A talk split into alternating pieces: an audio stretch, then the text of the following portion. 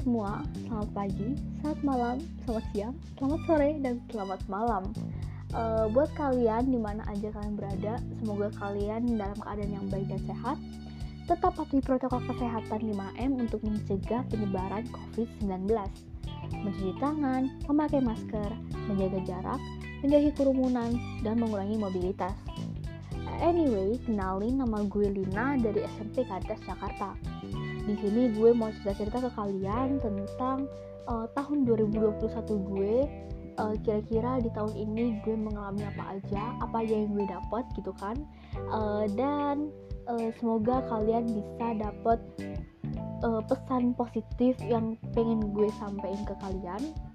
Uh, dan semoga kalian dapat pelajaran baru pengetahuan baru mungkin uh, dari cerita gue ini. Uh, pertama tuh gue mau cerita tentang kesulitan gue di tahun 2021 buat kalian yang pernah dengerin podcast gue podcast untuk kelas meeting ini pasti kalian tahu gue cerita tentang kesulitan gue kendala gue menjalani pembelajaran jarak jauh atau secara daring. Uh, kurang lebih sama sih uh, kesulitan gue.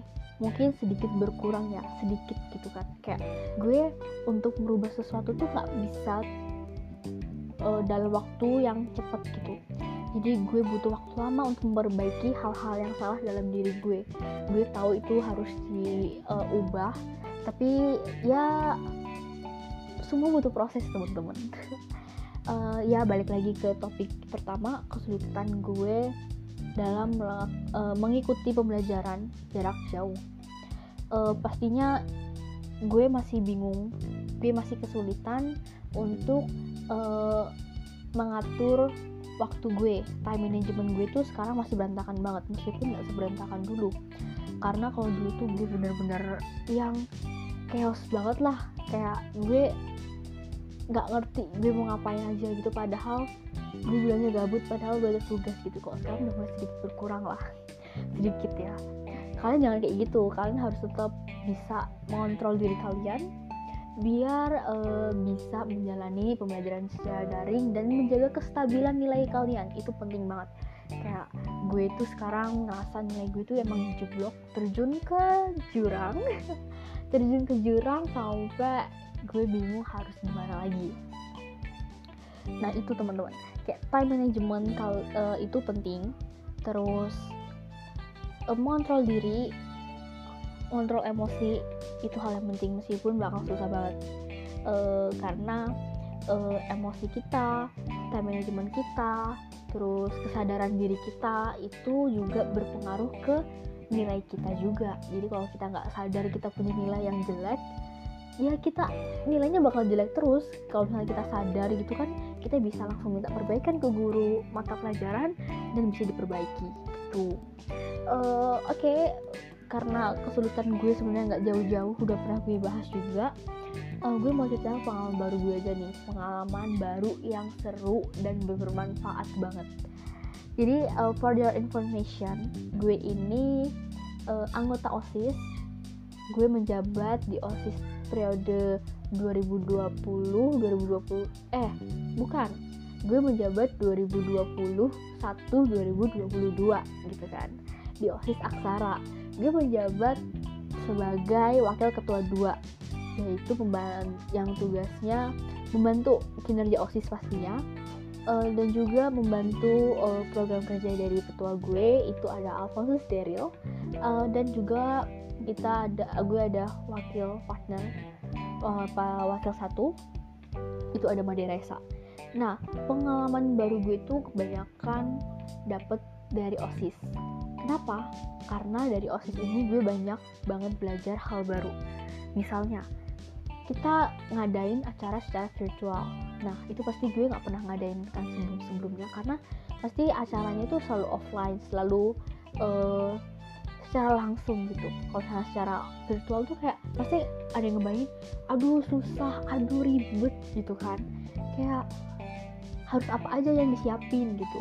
Tapi karena gue belajar di osis ini gue ikut osis ikut berorganisasi ikut berkomunitas gue jadi tahu e, cara bikin proposal gimana cara bikin acara gimana cara mengatur uh, peserta lomba gitu-gitu yang sebelumnya gue gak pernah lakuin gitu.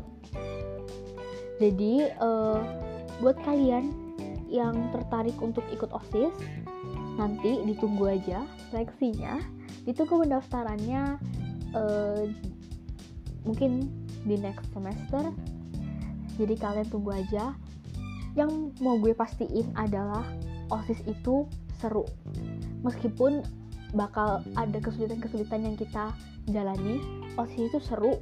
Terus habis itu ngasih pengalaman baru. E, kayak misalnya kita ada masalah. Kita nggak tahu nih cara menyelesaikannya tapi kita jadi tahu karena ikut e, misalnya karena dikasih tahu sama punya osis gitu kan.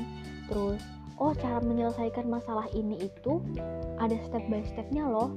Ada orang yang harus kita uh, tanyai atau kita sebagai tempat berkonsultasi gitu kan tentang masalah kita. Jadi kayak kita tahu nih uh, cara menyelesaikan masalah ini dan juga cara untuk uh, bersosialisasi dengan banyak orang. Karena di osis ini kita nggak cuma sama, sesama temen doang.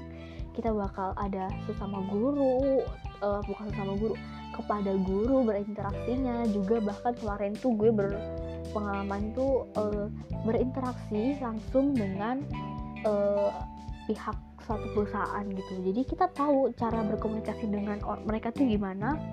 Dan uh, teknis-teknisnya gitu kita jadi tahu gitu teman-teman. Jadi uh, buat kalian yang tertarik buat ikut osis jangan takut untuk coba hal baru. Uh, ditunggu pendaftarannya nanti ya.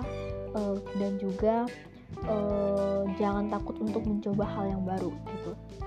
Dan gue juga mau ngasih tahu ke kalian bukan ngasih tahu cerita ke kalian. Kalau misalnya gue punya satu hal yang masih gue persiapkan sampai sekarang itu yaitu mau ke SMA ya kan ini gue udah di semester terakhir di kelas 9 jadi gue pasti harus uh, mempersiapkan memikirkan uh, mau ke SMA mana dan juga kira-kira nilai gue cukup ke nilai SMA tujuan gue tahu nggak gitu.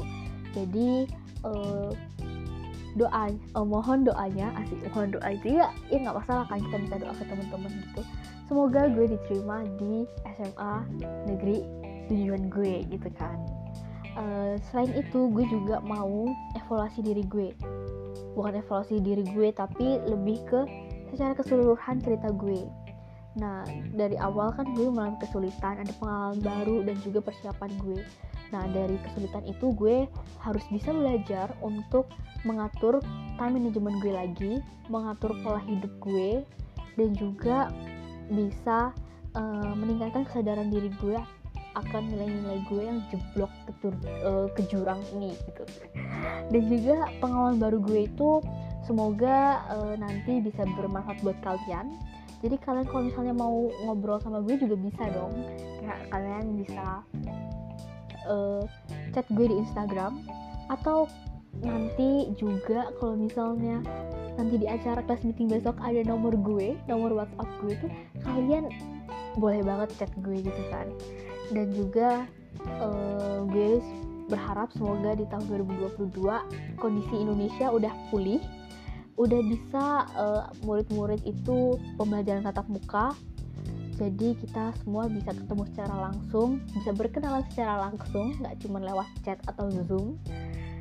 Dan uh, balik lagi supaya kita bisa cepat pulih kondisinya kita harus menjaga protokol kesehatan 5M yaitu mencuci tangan, memakai masker, menjaga jarak, menjauhi kerumunan dan juga mengurangi mobilitas dan juga jangan lupa buat menjaga kesehatan kalian dengan menjaga pola makan, menjaga pola tidur, dan uh, rajin berolahraga gitu. Oke, okay, thanks teman-teman udah dengerin cerita gue.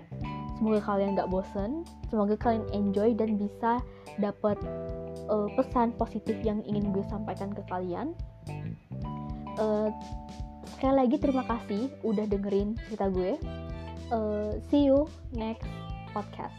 Bye bye. Stay safe.